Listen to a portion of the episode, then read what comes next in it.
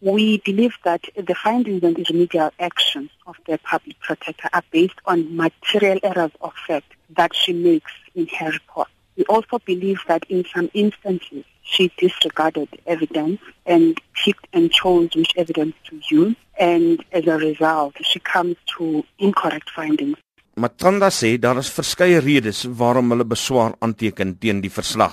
The main one for us is the fact that she says that ABSA benefited from the Reserve Bank financial support. We maintain that this is not true. And this goes to, firstly, her misunderstanding of the structure of the support that was provided, especially to Bankorp, and which was later acquired by ABSA. The public protector also finds that the South African public did not benefit. And this is also not true you will remember that part of one of the central functions of a reserve bank is to maintain stability of the financial system.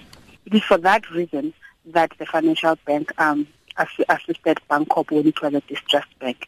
And this was also the finding of the Davis Panel Committee and also of the of the Heath Commission.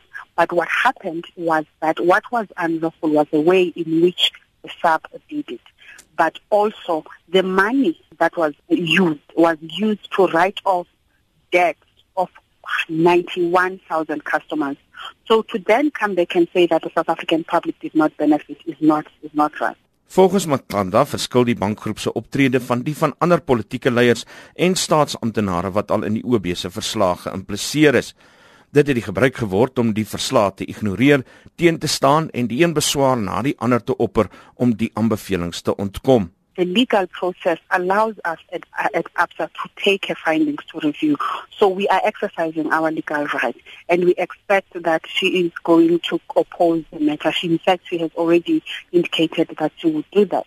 But what we are welcoming as APSA and what we are looking forward to is that this matter be taken to court because as you can imagine, we have been the subject of baseless accusations um, through Twitter for a very, very long time because of this uh, of this matter. So it has been very unfair and prejudicial to us.